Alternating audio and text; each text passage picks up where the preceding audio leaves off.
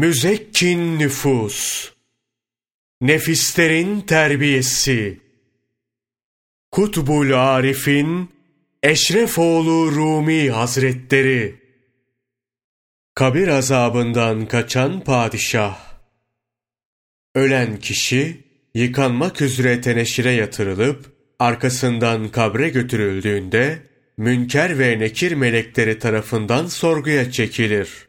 Bunu kabir azabı takip eder. Bu iki aşama ölümden sonraki büyük geçitlerdir. Yer altında yatılır, toprak olunur, varsa azap çekilir. Sonunda kıyamet meydanında toplanılır.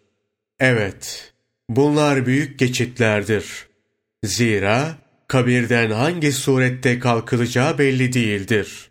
İnsan kabirden içi dışına çevrilmiş halde kalkar.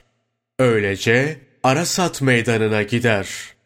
Bin ayağın bir ayağa bastığı bu meydanda bekler. O gün gözyaşlarının döküldüğü, ciğerlerin yanıp kebap olduğu gündür. Kaza kürsüsü kurulacak, Allah Celle Celaluhu da kadı olacaktır. Sualler sorulacak, hesap görülecektir.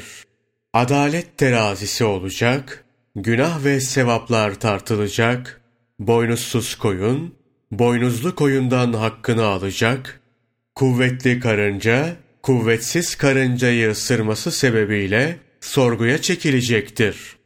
Hak Teala adaletiyle zayıfın hakkını kuvvetliden alacaktır. Bütün bunlar mahşer günü gerçekleşecek.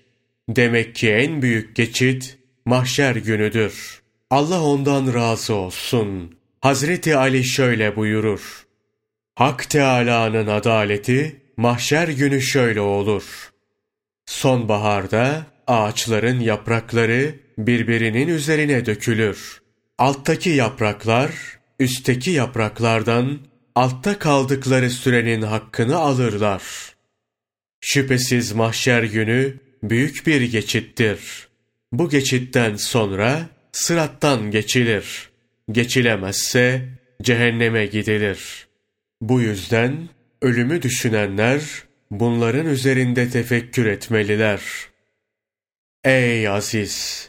Ölümden sonraki hallerden bazılarını söyledim. Özetlemeye devam edip güzel bir şekilde anlatayım. Kimisini hadis ve ayetle açıklayıp seni inandırayım. Belki nefsin insafa gelir de şu fakire dua edersin. Ey kardeşim! Ölümden sonra kabre koyarlar. Kabir, cehennem çukurlarından bir çukur veya cennet bahçelerinden bir bahçedir. Nitekim Resulullah sallallahu aleyhi ve sellem kabir ya cennet bahçelerinden bir bahçe ya da cehennem çukurlarından bir çukurdur buyurur. Kabir karanlık bir yalnızlık evidir. Pişmanlık yurdu. Pişmanlık ve sıkıntı oraya girmekte değildir. İnsan suda boğulup kaybolsa, ateşte yansa, vahşi hayvanlarca parçalanıp yenilse, hatta yerle gök arasında kaybolsa da, kabirde başına geleceklerden kurtulamaz. Ancak bir rivayette, kabre imanla giren müminler, azap görmeyecektir denmiştir. Geçmiş zamanlarda, gayet kudretli bir padişah varmış. Bu padişah, bir gün hasta düşer. Saray halkını huzuruna çağırıp, şöyle nasihat eder, arkasından vasiyetini bildirir. Ey dostlarım! Oğul, kız, hatun, cariye, köle ve vezirlerim! Bana iyi bakın, halimi görüp ibret alın. Şu yalan dünyanın beyliğine aldanıp, fani lezzetlere gönül vermeyin. İbadet, taat ve ahiret amelleriyle meşgul olun. Bu fırsat bir daha ele geçmez. Tez kaybolur.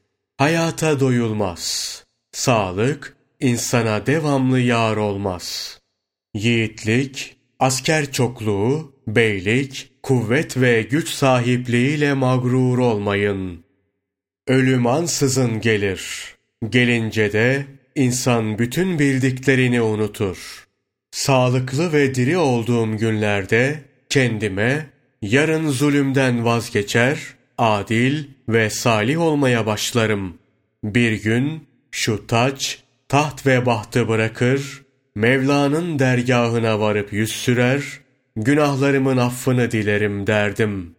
Belki halka zulmettim, lakin başta gençlik vardı. Çocuklarım büyüyüp tahta geçecek olgunluğa gelsin de gözüm arkada kalmasın. O zaman dervişane bir şekilde dünyayı terk edip yaptıklarıma tevbe ederim diye düşünüyordum. Bugün yarın derken ömrüm geçmiş, fark etmedim. İşte şimdi ölüm aslanı gelip beni pençesine aldı. Ben de mecal bırakmadı. Güçsüz ve zayıf düştüm. Öylece dört yanıma çaresizce bakınıyorum. Sakın benim gibi olmayın ki pişmanlığa düşmeyesiniz. Son pişmanlık fayda etmiyor. Tevbeyi elden bırakmayın. Ertelemeyin. Tevbede acele edin. Sakın ihmal etmeyin bunu. Padişah bu nasihatinden sonra vasiyetine geçer. Öldüğümde sakın kabre koymayın. Kabir azabından çok korkuyorum. Zulümler ettim. Halkımı epey incittim. Etrafındakiler, peki cesedinizi ne yapalım der. Padişah, sarayımın odalarından birini boşaltın. İçine yer dahi girmeyen sağlam bir tabut yaptırın. Tabutumu odanın ortasında havada kalacak şekilde zincirle tavana asın der. Bunu der demez de ruhunu teslim eder. Padişahın vasiyeti üzere kendisine ceviz ağacından sağlam bir tabut yapılır. Cesedi bu tabuda yerleştirilip cenaze namazına durulur. Arkasından da tabutu sarayda ayrılan odanın tavanına zincirle asılır. Akşam olur. Saray halkı uykuya çekilir. Çok geçmeden sarayın içinde korkunç bir ses duyulur. Herkes odasından dışarı fırlar. Ses tabutun bulunduğu odadan gelmektedir. Odaya koşup tabutu indirirler. Tabutu açtıklarında padişahın başının büyük, kara bir yılan tarafından yutulduğunu görürler. O güne kadar benzeri görülmemiş bir yılandır bu. Ölü padişahın başını yılanın ağzından çıkarır, yılanı da öldürürler. Sonra tabutu yine tavana asarlar. Sabah olur, gün yine akşama varır. Saray halkı bir daha o korkunç seste uyanır. Bir daha koşturur, tabutu açarlar. Ceset bu sefer yarı beline kadar yılan tarafından yutulmuştur. Herkes hayret içinde kalır. Yılanın tabuta nasıl girdiğini kaygıyla karşılar. Bu yılanı da vurup parçalarlar. Cesedi tabuta yerleştirir, bir daha yerine asarlar. Bir gün daha geçer. Ama bu sefer gece duyulan sesle şehir halkının tümü korkuya kapılıp sarayın kapısına dayanır. Saray halkı tabutu yerinden indirip açarlar. Bu sefer cesedin kömür gibi karardığını görürler. Bu manzara karşısında korkup ağlaşırlar. Sabah olur olmaz durumu alimlere açarlar. Alimler durumu şöyle açıklarlar. Gördüğünüz kara yılan padişahın amelidir. Ceset her nerede olursa olsun amel onu bulur. Saray halkı bu açıklamayla ikna olur. Cesedin evde veya kabirde olmasının durumu değiştirmeyeceğine, kabir azabının onu bulacağına kanaat getirirler. Arkasından bir mezar kasıp padişahın cesedini kabre yerleştirir, böylelikle hakkın emrine razı olurlar.''